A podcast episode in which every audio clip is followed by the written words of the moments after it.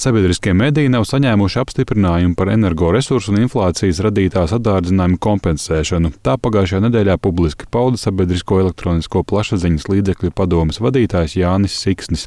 Tādējādi Latvijas televīzijai būtu mazāk izklaides un neatkarīgo producentu raidījumu. Savukārt Latvijas radio satura saglabāšanas vārdā nāktos plānot būtiski mazākus kapitāla ieguldījumus. Šīs norādes ir labi zināmas mediju nozare pāraugošajā kultūras ministrijā. Šo pēcpusdienu tur norit sanāksme par budžeta sadalījumu jautājumiem, tajā skaitā padomas norādītajām problēmām.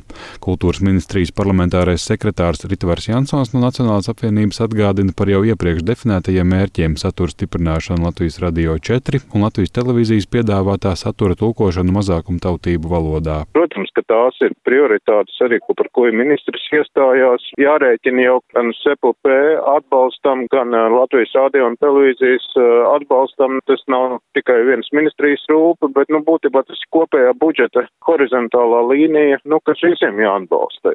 Par mediju jomu atbildīgā saimas cilvēktiesību un sabiedrisko lietu komisija vien pēc valsts budžeta projekta nonākšanas saimā apspriedīs nepietiekamo finansējumu sabiedriskajiem medijiem. Turpina komisijas vadītāja Ieva Branta no apvienotā saraksta. Visu mūsu privilēģija ir informatīvās telpas drošība. Un jā, SPLP pilda savu pienākumu sitot trauksmi un brīdinot sabiedrību un vēršot politiķu uzmanību uz aktuālo problēmu.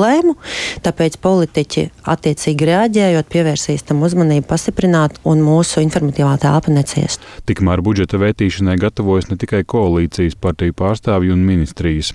Savs redzējums ir arī saimnes opozīcijai. Progresīvo frakcijas vadītājs Kaspars Briškens ir pārliecināts, ka izdevumu sadārdzinājumu sabiedriskajiem medijiem budžeta veidošanas procesā būs iespējams kompensēt. Tā ir viena no jomām, kas nu, ne tikai sabiedrības informētības, bet arī nu, jau nacionālās drošības kontekstā kritiski svarīga. Mēs redzējām, ka maģiski jaunai koalīcijai uzsākot darbu, tā nosacītā fiskālā telpa dubultojās. Līdz ar to ir skaidrs, ka finanšu ministrijas piedurknē noteikti ir dažādi veidi trumpi, kā šo finansiālo telpu paplašināt. Saimas cilvēktiesību un sabiedrisko lietu komisijas vadītāji arī piekrīt, ka līdztekus lemšanai par sabiedrisko mediju apvienošanu jārunā arī par to finansējumu modeļa maiņu.